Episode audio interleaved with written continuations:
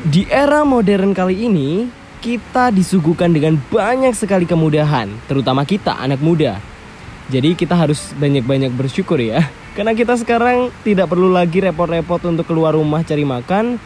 Kita tidak usah repot untuk antri bioskop. Kita juga tidak perlu repot-repot lagi membawa uang tunai. Belanja pun bisa dari rumah. Sekarang kita juga bisa mendapatkan wawasan, info-info terkini, isu-isu mengenai politik, film, musik hanya dengan mendengarkan.